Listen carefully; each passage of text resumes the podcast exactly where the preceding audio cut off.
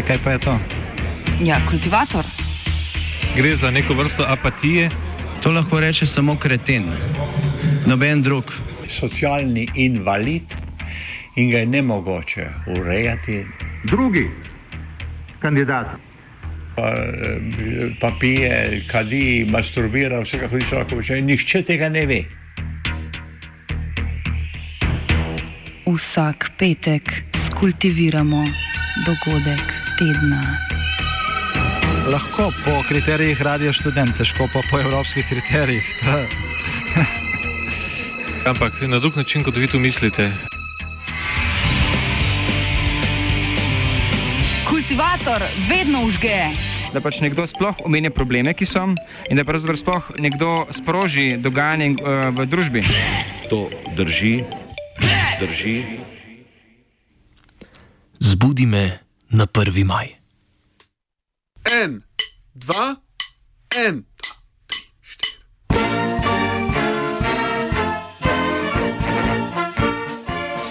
Slovensko delavstvo se danes zgodaj zjutraj ni zbudilo ob tradicionalnih zvokih koračnice, ki jo slišite v ozadju. Prav tako se večer prej niso zbrali v družbi prijateljev, sodelavcev in tovarišev ob prvomajskih kresovih. Iz radijske kadilnice se tudi ni slišalo tradicionalnega nagovora župana Ljubljanske občine, predstavnikov sindikatov in političnih obrazov na predvečer jubilejnega 130. kresovanja na Rožniku. Jasa je samevala, tako kot po Sloveniji samevajo frizerski saloni, ključavničarske delavnice, knjigarne, muzeji, knjižnice, vrtci, osnovne in srednje šole, univerze in preštevilna množica drugih gospodarskih sektorjev, ki zaposlujejo naše državljanke, nedržavljane in tuje delavce.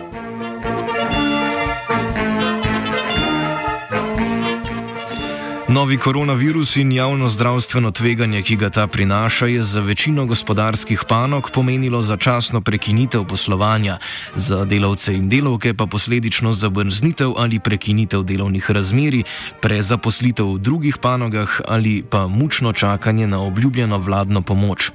Pri tem se je izkazalo, da vlada pri izplačevanju finančne pomoči ni bila dosledna, pogosto je zamujala, nekatere skupine prebivalstva na nje še vedno čakajo. Thank you.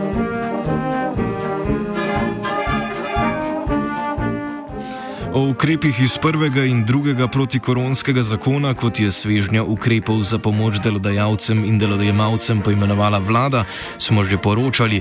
Kot že tradicionalno pa smo ob letošnjem prazniku dela glas namenili vam, tistim z nezmanjšanim obsegom dela, tistim brez dela, enim, ki delate od doma, drugim, ki ste na čakanju, delavkam v proizvodnji in samozaposlenim v kulturi, študentom, upokojencem in brezposelnim. Prav, povprašali smo vas, kako so spremenjene razmere vplivale na vas in vaše delo, kako se soočate s povečanjem ali zmanjšanjem dela, kako preživite in kako si predstavljate prihodnje mesece. Zdi se nam namreč pomembno, da o tem spregovorimo. Puhlice, ki jih poslušamo iz vladnih vrst, nam namreč ne ponujajo prave slike, kje smo in kam gremo.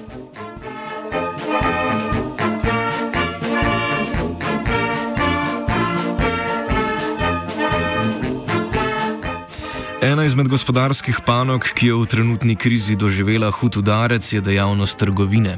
Medtem ko so živilske trgovine ostale odprte, so prodajne trgovine ostalih izdelkov ostale zaprte.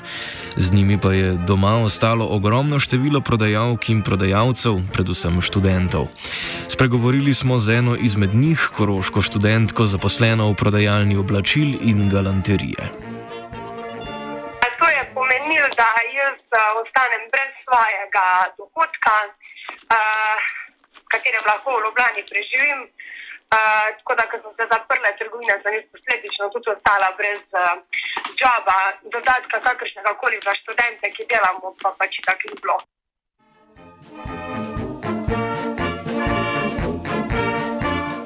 Naša sogovornica napovedane pomoči v višini 150 evrov ni prejela, ker študira izredno. Povprašali smo jo, kako bo preživela naslednjih nekaj mesecev. Tistih 150 evrov nisem dobila zaradi tega, ker sem izredna študentka in nisem upravičena do tega. Pa pa zdaj na novo to so za izredne študente sprejeli, uh, ampak to bo šele maja. Tako da pač jaz uh, na srečo dobivam uh, pokojnino preko česa, tako da sem to dobila, pa um, v bistvu sem si poiskala novo službo prek računalnika, da lahko pač upravljam neko delo in dobivam nek dohodek.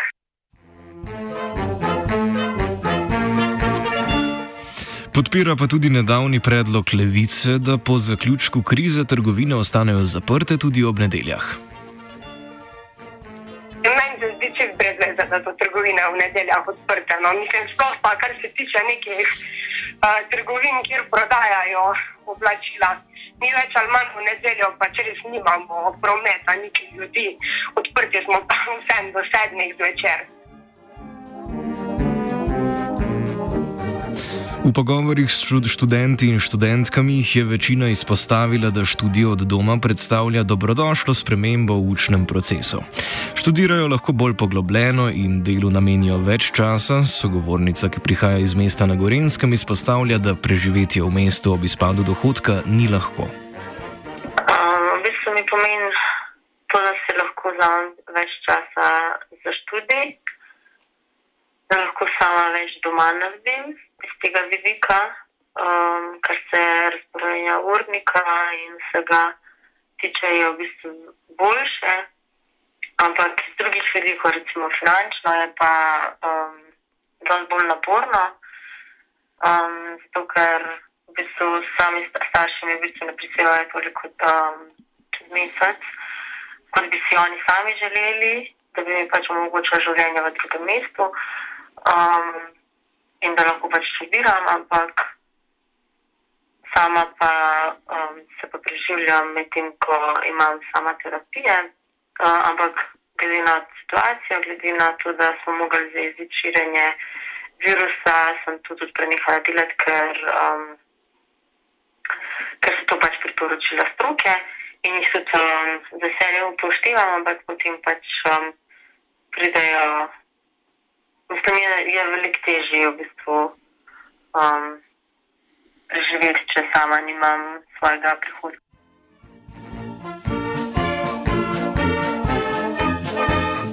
Vladni solidarnostni dodatek v višini 150 evrov ji ne omogoča osnovnega preživetja. Je pač neka minimalna podpora, um, ki bi si jo sicer sama lahko, um, da reče, bi lahko delala, tudi mogoče v dvokratni, trokratni obliki. Um, vendar je pa to pač neko, mislim, jaz to vidim kot neko um, potuho, neko, pač, neko minimalno podporo po, najmanj, po liniji najmanjšega odpora. Digitalni učni proces na univerzah tudi predavateljem predstavlja povečano količino dela. Naložek energije in prilagajanja in um, usposabljanja, zato ker prej nisem bila pač dost uh, v tej digitalni sferi poučevanja izobražena. Oziroma, tudi nismo imeli prakse, no? ni bilo prakse, ni bil, ni bil to ustaljen način dela, pač neke možnosti, da bi to poskusno ki izvajala. Viš? Tako da za me je bilo to v bistvu zelo stresno, no? Se preheftati na nov način dela. Osebni stik bi vseeno moral ostati prevladujoči način dela, izpostavlja. Prevladujoča oblika dela je osebni stik. Zato, ker uh, še veliko, veliko ostalih zadev lahko um, s tem pokriješ, ne samo prenašanje znanja. Viš, če imaš ti oseben stik, ne potem vidiš reakcijo, tako vidiš, kaj ni jasno, kaj treba še bolj razložiti. Recimo. Potem tudi verjeten lažje, uh, kakšni medklici padajo, vprašanja dodatna. A viš, da, kar se tiče učinkovitosti, je sigurno bolj učinkovit. Um, Uh, tak način dela, da si v razredu, pa da imaš ti pred sabo študente. Poleg problematično preverjanje znanja, ker zelo težko, če pisno preverjaš znanje, zagotoviš objektivnost preverjanja znanja. Veš, ne veš, kakšno pomagala imajo, uh, kje imajo, kako imajo. Veš, možnosti je veliko um, In apelirati sam na vest, verjetno tukaj ne moreš, ker so pač to rezultati, ki vplivajo na njihovo usodo, na opise, na to, da naredijo izpit, da ne naredijo izpit. Kako pa poteka delo v osnovnih šolah, odgovarja osnovnošolska učiteljica. Paše, ne paše mi zaradi tega, ker sem človek v živo.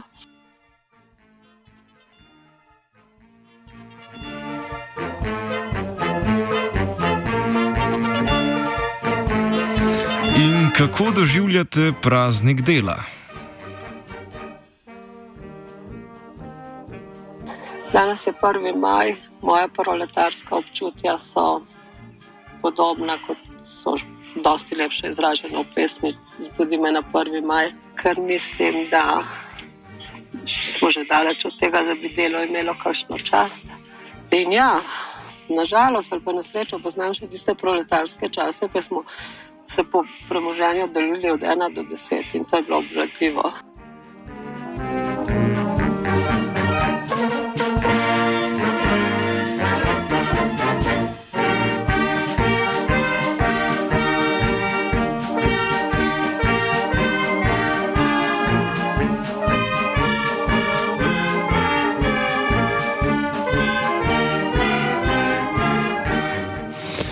Zmanjšanje proizvodnje in fizična samoosamitev sta imeli za posledico zmanjšanje prometa. O razmerah na Darsu zaposleni v klicnem centru. Osebno se dosti ni spremenilo, ker sem bil samo tri dni na čakanju. Mislim, da bom šel čez en teden na čakanje. Čakanje, če je danes dan, prvi dan, prvi maj, da praznik dela, čakanje je. Je, je pravzaprav, če koga vprašaš in ti iskreno odgovori, je to to. Ti si doma in dobiš 80% plače. Zdaj, ja, uh, to je čakanje. Ne? Mi dela od doma ne moremo imeti, oziroma bi bilo to zagotovo preveč zahtevno speljati center. Je pa se zaradi seveda manjšega prometa in manjše mislim, količine klicev, smo skrčeni, tako da na mesto 15 dela to 2. In tukaj so seveda uredbe, pravila, pravilniki, kako se moramo vesti, da, mislim. O pomembnosti sektorja informacijske tehnologije smo spregovorili tudi z zaposlenim na Agenciji Republike Slovenije za okolje.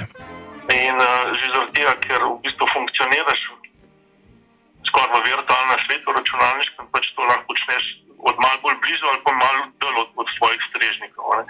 Ker nam tudi delo pač v sami službi poteka v povezavi z računalniškimi strežniki, s telekomunikacijami, web in tako naprej. Ne? In če imaš doma dovolj dobro povezavo, potem pravzaprav si lahko enako učinkovit na določenih področjih. Pravzaprav, če imaš kaj posamezno, individualno za narediti, programirati, algoritmirati, da veš, uh, ne vem, potegniti kakšne podatke dol, verificirati in tako naprej, si lahko celo bolj učinkovit, ker imaš bolj merje, manj motilcev procesa, ne, da ljudje hodijo v sobo, ne sprašujejo levo, desno. Za une procese, ki, pa, ki potrebujejo več enega usklajevanja ali pa kaj podobnega, ne, tisti je pa manj učinkovit. Kakšen pa je odnos delodajalca, države torej? Kar se tiče delodajalca, pa pravi države, pa, pa razumevanje za to vrstne procese dela, ki so v glavnem informacijski ali pa informatični, če želiš. Ne, uh, bilo neke, neke, neke velike težave, ne, nekak, nekak, uh, so dali na možnost, da se vode procesov odločijo, da se da enako funkcionira tudi nadaljavo, ali da se odločijo, da bi kdo bil pač na čakanju, če res ni imel dela. Um, ali pa so spodbujali tudi, da se v tem času pač kakšen letni dopust lanski ponudce in tako naprej. Ali bo prišlo do kakšnih odpuščanj? Države in krčenja proračunov in mora biti nekakšnih novih zujfov, ne, se pravi zakonih o uravnoteženju javnih financ, uh, zmanjševanju kadrovskih načrtov, se pravi, to nas so nam tudi že malo napovedali, da kar bo šlo v pokoj, ne bomo mogli več. Ne. nadomestiti in tako naprej. Zdaj, ali, ali bo potem to pomenilo odmeranje dejavnosti ne, na obroke ali na hiter, tega pa ne morem povedati. Negotovost še vedno razmeroma velika, kar se tega tiče, kako bo v prihodnosti. Ampak bom rekel, eh, sam obseg dela, ki smo ga veslej upravljali, v bistvu zelo učinkovito upravljamo tudi zdaj nadaljavo. Ta kriza je ravno, ravno to povzročila, ta premik iz realnosti v virtualnost, kjer se da, tam, kjer je pa pač v, v, v realnosti stvari potekajo, so pa gospodarstva in pa mislim, te dejavnosti proizvodne in to je pa drugačne. In storitvene dejavnosti se mi zdi, so pa še najbolj kurcu. Se pravi, turizem pa šolstvo. Ne. In kako je v turizmu, odgovarja turistična vodička. Ko v Sloveniji, ko se pogovarjamo o turizmu, večinoma mislimo na te turistične kraje, ki so bolj ali manj zdraviliški turizem uh, in uh, ne vem, gorske koče, to ni to pride upoštev. Vsi pa pozabijo na veliki sektor turističnih vodnikov. Uh, to so pa ljudje, ki so v 95% zaposleni preko uh, SP-jev. In vsi so ostali brez dela. Govori se, da se bo ta množični turizem spremenil. Recimo v Avstriji so že uvedli pravilo, da ne more en vodnik imeti več kot 10 oseb. To pa vpliva tudi na količino vode, na ceno vode. Uh, recimo moji kolegi so ostali pri svojih SP-jih samo zaradi tega, ker je država obljubila 350 plus 700 dvakrat in uh, plačilo teh prispevkov. Ampak to ne pomeni, da bomo mi junija na istem, kar smo mi bili lani junija. Ker junija letalske prevoze so zaprte, avtobusne množične prevoze bodo zaprte, hotelske kapacitete ne bodo omogočili, eh, natrpane hotele. To pomeni, da eh, država potem, ko bo zaprla svoje ukrepe, ki trajajo najkasneje do 30. maja, potem junija, julija lahko pričakujemo porast SP-jev, ki se znajdejo na zavodu za zaposlovanje. Ker turistični vodniki ne bodo mogli opravljati svojega dela, ne, ne moteno, kot lani, ne junija, ne julija, ne avgusta.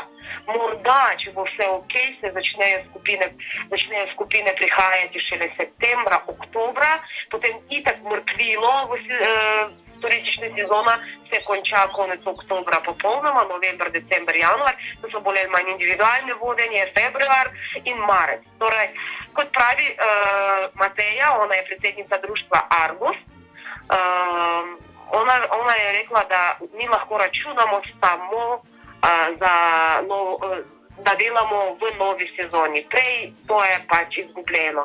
Vse je izgubljeno, vse priložnosti so izgubljene. In takih ljudi kot je ona, je Ne glede na percepcije in politična stališča trenutno vladajočih strank, pa so tudi nevladniki del gospodarstva in so kot takšni tudi ključni zaposlovalci. Organizacije, ki delujejo na področju okolja, so bile za ceno hitrejšega gospodarskega okrevanja tako rekoč suspendirane za nadaljni dve leti. Prav tako pa se nevladniki nasploh soočajo z drugimi ovirami in potencialno ogroženim financiranjem. Uh, trend, uh, mogoče zaradi tega, ker je pač desna vlada, uh, verjetno imajo svoje ideološke pomisleke na to, na kakšen način mora funkcionirati civilna družba. Uh, v Sloveniji mi lahko naštejemo več kot 20 tisoč uh, društev. Kot društva ne mislimo samo na nevladne organizacije, ki se ukvarjajo s perečimi uh, tematikami, kot so recimo ne vem človekove pravice, zeleno okolje. Ministrstvo za javno upravo bi moralo aprila razpisati ta razpis za sofinanciranje projektov, a ne pridobljenih strani Evropske unije. Nosilci so nevladne organizacije Republike Slovenije, ampak Ministrstvo za javno upravo bi moralo bi moralo objaviti razpis, da pokrije 80% od 15% sofinanciranja, razumeš? In to bi ohranilo minimum 150 delovnih mest. Ali bojo ta razpis objavili, a veš, to pa ne vemo, a ne?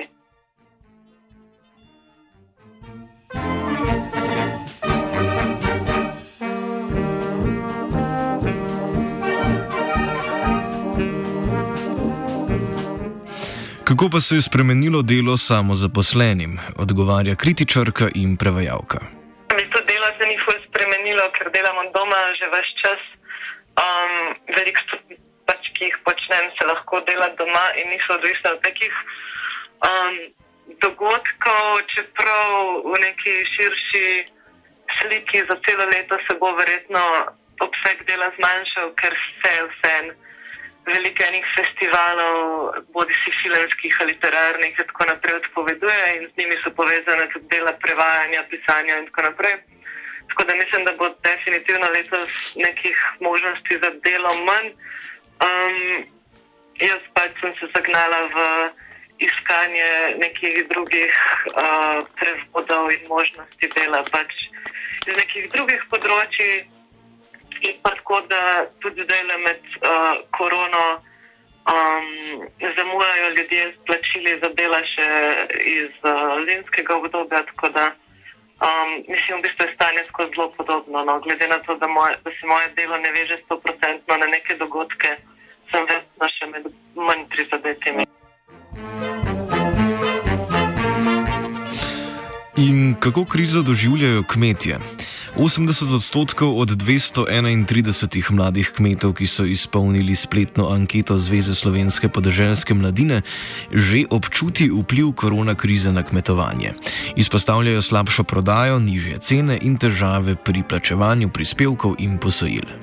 Moj fotor se trenutno ne zanaša na to, da bi pač karkoli dobil, in mislim, da tudi pač, uh, kar mi je razlagal, ni da ničesar tako upravičen. Bolj se zanaša na to, da se bo pač celoten družbeni mindset spremenil zdaj zaradi tega. In da bo uh, to pač kmetom olajšalo pač, uh, gospodarstvo preživeti. Da bo, da bo država prepoznala, da je uh, samo skrbno gospodarstvo res bistveno in da ga bo pač bolj podprla.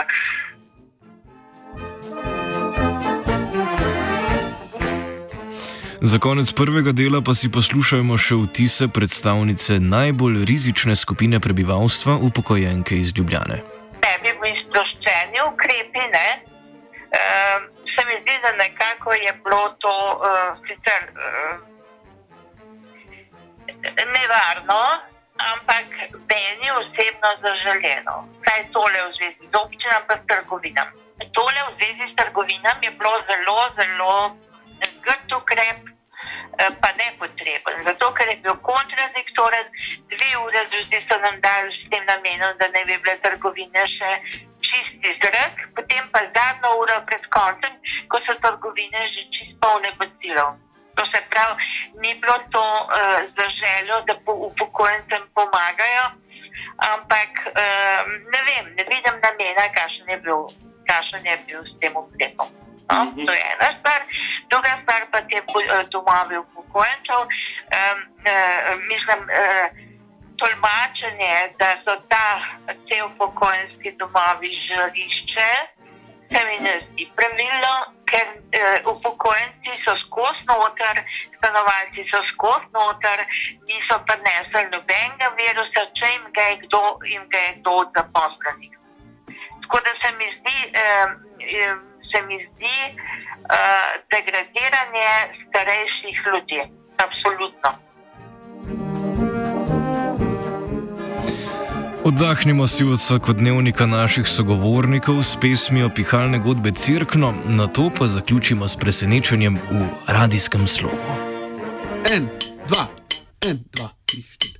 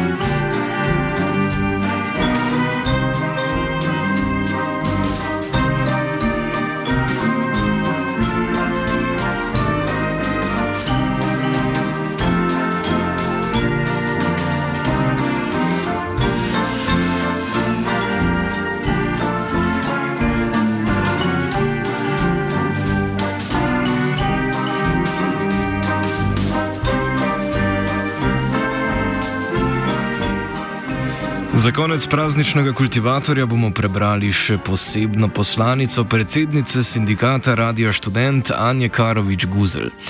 Sindikat, ki je v preteklosti dal svoj delež k izbojevanju avtonomije, ki jo tako zelo cenimo, se je ob izbruhu epidemije skupaj s sodelavci moral soočiti z novo realnostjo. Inštitucija Radio Student sodelavcem omogoča varno delo od doma, prav tako nudi pravno pomoč morebitnim sodelavcem v stiski, ki zaradi prekarne narave svojega dela niso zmožni poravnati položnic. Za ta namen se je ustanovil tudi solidarnostni sklad. Epidemija novega koronavirusa predstavlja poseben izziv tudi za REŠ, ki jo oddaja neprekinjeno, kljub temu pa bo, tako kot ostali mediji in večina gospodarstva, čutil finančne posledice v obliki upada oglaševanja, izpada osnovnega financiranja strani ustanovitelja, prav tako pa zadnje novice z Ministrstva za kulturo kažejo v smeri zadržanja sredstev za že zaključene projekte. In zdaj poslanica.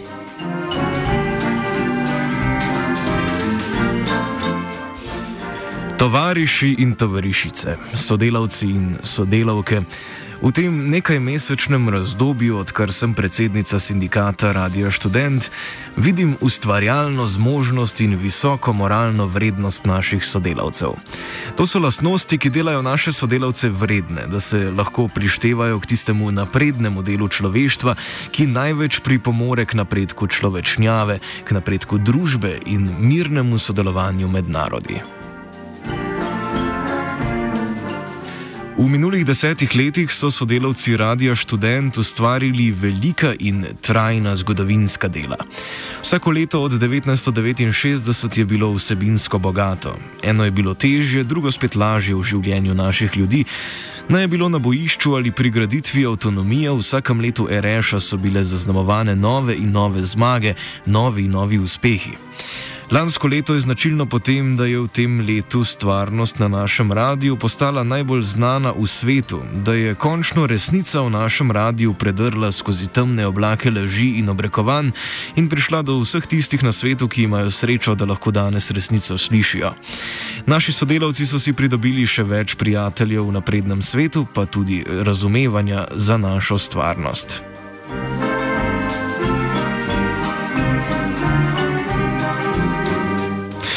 Letos nas čakajo še velike naloge. Kar je bilo najtežje, smo že prebrodili. Vendar to ne sme biti vzrok, da ne bi šel ustrajneje, še odločneje, še bolj enotno in bolj množično napeli vseh naših sil, da izpolnimo zadnji del naših nalog za izpolnitev medijskih vsebin v letu 2020. Ta izpolnitev nalog je pogoj, da lahko vidno krenemo naprej k zvišanju življenjske ravni delovnih ljudi. Če nekatere stvari še niso tako popolne, kot bi morale biti, bodo popravljene in zboljšane. Vse je odvisno samo od vseh nas skupaj.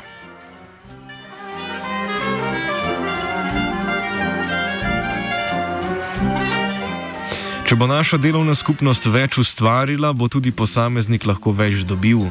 In narobe. Z zaupanjem moramo gledati v našo boljšo bližnjo prihodnost in ne smemo dopustiti, da bi nas pri naših prizadevanjih ovirali epidemija in gospodarska kriza. Vse svoje sile moramo posvetiti zgraditvi socializma na našem radiju, obenem pa tudi vse storiti, da to v vsakem pogledu zagotovimo.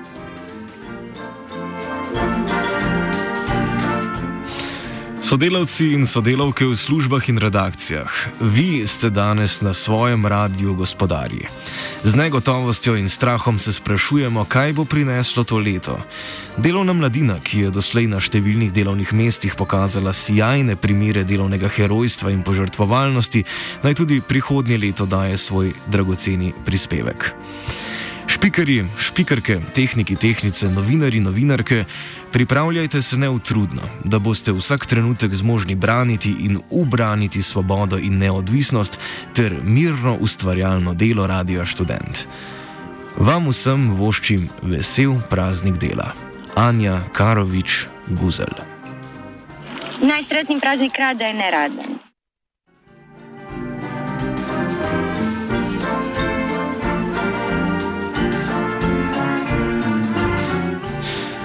Kultivirala sta Poredoš in Anton.